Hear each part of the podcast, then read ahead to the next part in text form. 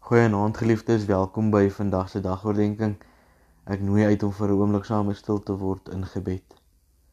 Ons Here en Hemelse Vader, dankie dat ons vanaand in gebed na U toe kan kom en op hierdie manier ook kan kom stil raak voor ons ook U woord gaan aanhoor en ook daardeur geraak gaan word deur die werking van die Heilige Gees.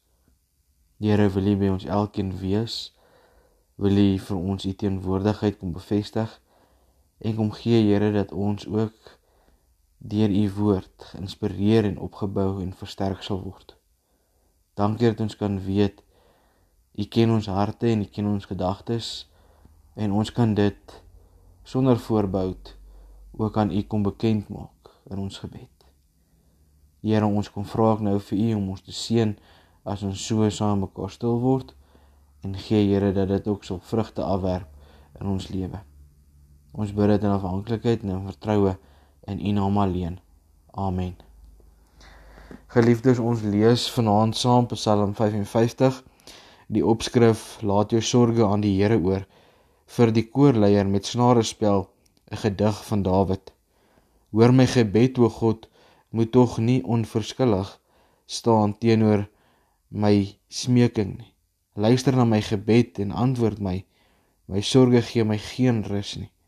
Ek is hewig ontsteld oor die dreigemente van my vyande en oor die druk van slegte mense op my.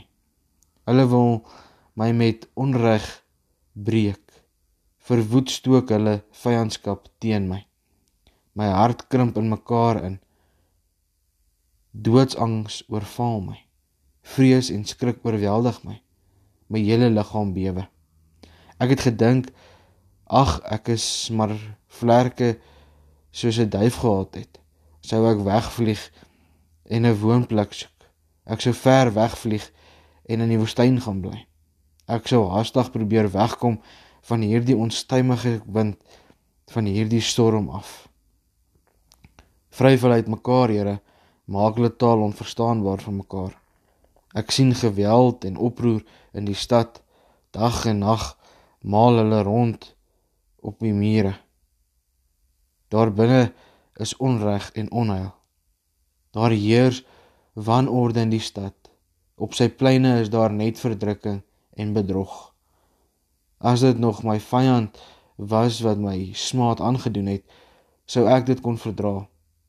As dit 'n teenstander was wat my wou verneder, sou ek hom kom probeer vermy. Maar nou is dit jy, 'n man soos ek, my maat en my goeie vriend. Ons was so nou aan mekaar verbonde. Opgewonde het ons saam na die huis van God toe gegaan. Mag die dood my vyande oorval. Mag hulle onverwags neerdal na die doderyk. Want in hulle huise en harte heers daar boosheid. Maar ek roep na God, na die Here wat my sal red. In die aand, in die môre en in die middag, heeldag kla en sug ek en hy hoor my roep.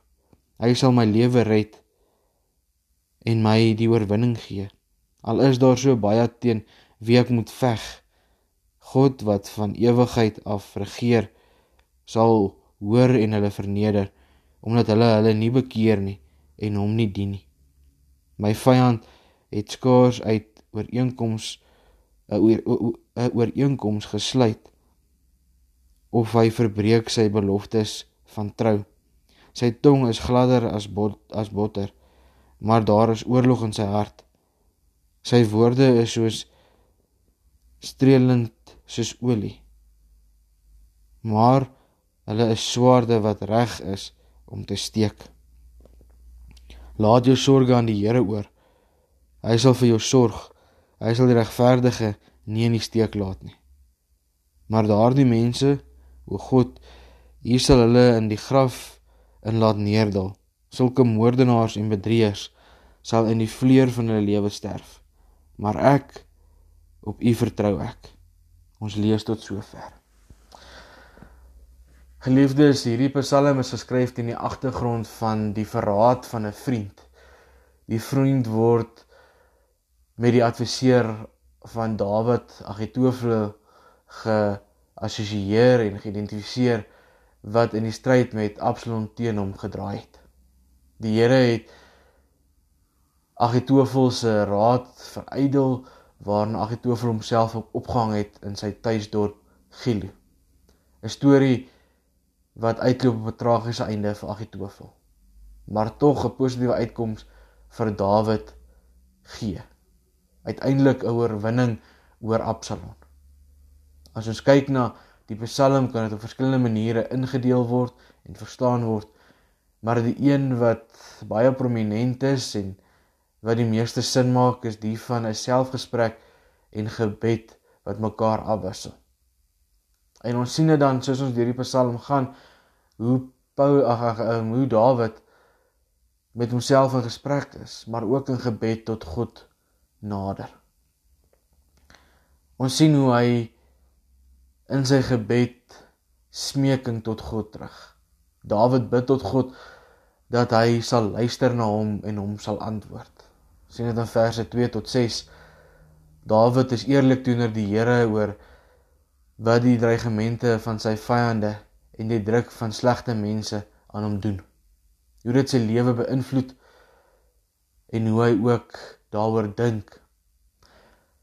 Hulle onregverdigheid is bedoel om hom te breek. En dan sien ons dit veral omdat hy self in sy persoon gestreef het om reg te handhaaf sy hele liggaam reageer op sy gevoel op hierdie verontregting. Ons lees van sy hart wat in mekaar krimp, doodsangs wat hom oorval, vrees en skrik wat hom oorweldig en dan sy hele liggaam wat bewe. 'n Tweede punt wat ons raak sien is die versigtiging. Dawid sou so graag die storm waarin hy verkeer wou ontwyk. As ons net kyk na verse 7 tot 9. Daar is baie keer in ons eie lewe so 'n ervaring van 'n bekende veg of vlug reaksie. Bly ons, dan moet ons veg om te oorwin of weerhou ons ons van die situasie en vlug weg. En dit is waarmee Dawid hierso worstel. Dawid wil op enige manier net hierdie situasie ontwyk wegvlieg soos 'n duif en in die woestyn gaan bly. Alles om net weg te kom van die situasie wat soos 'n onstuimige wind of dan 'n storm voel. En dan bid hy tot God vir ingrype. Dawid bid dat God self hulle uitmekaar sal dryf weens die onreg en die onheil wat hulle pleeg. Ons sien dit in vers 10 tot 12.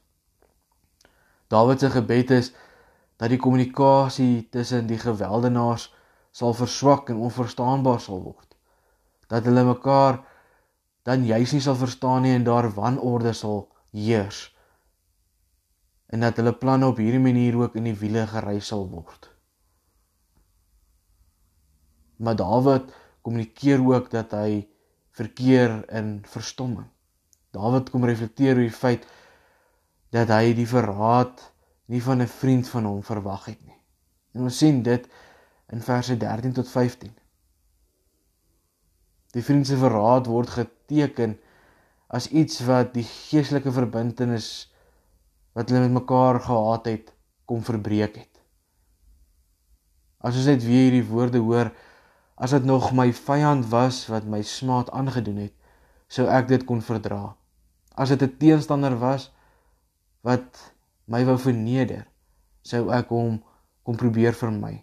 Maar nou is dit jy, 'n man soos ek, my maat en goeie vriend. Ons was so nou aan mekaar verbonde. Opgewonde het ons saam na die huis van God toe gegaan. Ons hoor van hierdie naby verhouding, hierdie geestelike verbintenis wat daar tussen Dawid en Agitofel was. Maar nou is dit juis hierdie goeie vriend wat hierdie verraad kom pleeg het. Wat 'n einde kom maak het aan hierdie geestelike verbintenis. Dawid kom betuig ook sy vertroue. Dawid kom verlaat hom totaal en al op God dat hy sal hoor en hom sal red. En ons sien dit in verse 16 tot 20. Dawid se gebed verander in karakter dat sy klag al hoe meer gebaseer word op sy vertroue dat God verseker sal ingryp in die situasie waarin hy verkeer en daarin sal optree. En dan word dit juis bevestig in die woorde hy sal my red. Maar Dawid het ook 'n stuk veragting wat hy kom oordra in sy gebed aan die Here. Dawid kom keer terug na sy intense gevoel van verraad. Sy vriend het sy vyand geword. En ons sien dit in verse 21 tot 22. Die verhouding of die verbond tussen hulle is verbreek. Ons hoor weer die woorde waar hy dit bekom beskryf. My vyand het skaars 'n ooreenkoms gesluit of hy verbreek sy beloftes van trou. Sy tong is gladder as botter, maar daar is oorlog in sy hart. Sy woorde is so streelend soos olie, maar hulle is swaarde wat reg is om te steek. Ons hoor Dawid se seer soos wat hy uitdrukking gee aan hierdie veragting. Maar dan is ook 'n stuk getuienis.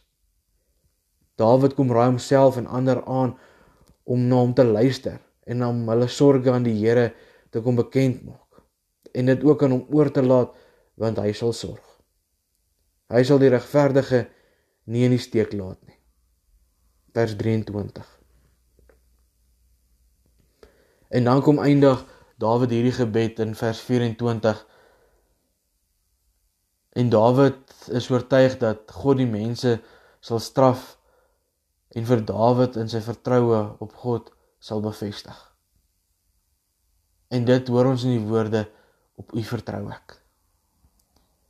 Daarom geliefdes as ons nadink oor Psalm 55 dan hoor ons hierdie selfgesprek. Ons hoor 'n gebed van Dawid wat homself kom oop en bloot lê voor God in sy smeking, sy versigtiging, sy ingrype, ook sy verstomming, sy vertroue, veragting, 'n getuienis, maar ook 'n slot van op u vertrou ek. En daarom kan ons sê vir Psalm 55 gaan in diepte daaroor dat ons ons sorges aan die Here moet gee.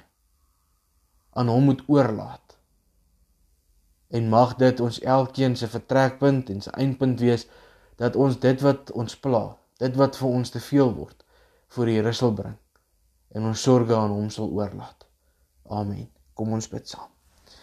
Here Jesus, dankie dat ons vanuit Psalm 55 en die hart van Dawid kan hoor dat 'n vriend wat so naby is soos 'n broer ook ons baie keer in die steek kan laat. Maar dat ons na U toe kan kom en sodat u die pad kan stap dat u ons ook daardeur sal dra en sal uitkoms gee omdat u getrou is.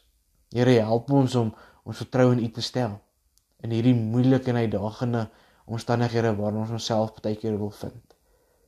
Here waar ons ook voel ons staan voor 'n keuse, moet ons vlug of moet ons veg? Here gee dat ons nie sal vlug of veg nie, maar eerder na U toe sal draai en sal sê Here, laat U reg geskied en dat ons daaraan sal vashou. Here, wil U ons kom vashou in hierdie aand wat ons ingaan, kom beskerm bewaar ons, kom bevestig vir ons U liefde en U nabyheid en kom gee Here dat ons ook sal uitrus vir die dag van môre, sodat ons ook so kan gaan lewe dat U daardeur verheerlik sal word. Ons sê vir U dankie vir U seën en U sorg in ons lewe. Ontvang ons lof, ons aanbidding. Here ons gebed as dit u wil is. In u naam bid ons dit. Amen. Geliefdes, mag jy geseënde aand geniet. Groete by die huis.